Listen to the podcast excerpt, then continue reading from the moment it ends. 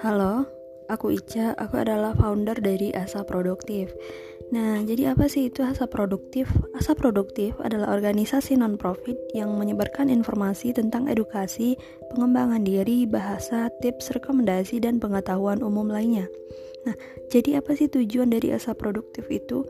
Jadi tujuan uh, aku mendirikan Asa Produktif yaitu agar uh, terjadinya perubahan yang ada dalam diri, uh, baik itu sekecil apa pun. Karena sesuai dengan moto dari asa produktif yaitu today is better than yesterday. Artinya hari ini lebih baik daripada hari kemarin. Nah, jangan lupa untuk dengerin podcast Asa Produktif di Spotify dan jangan lupa kunjungin Instagram, blog, dan TikTok kami. Terima kasih.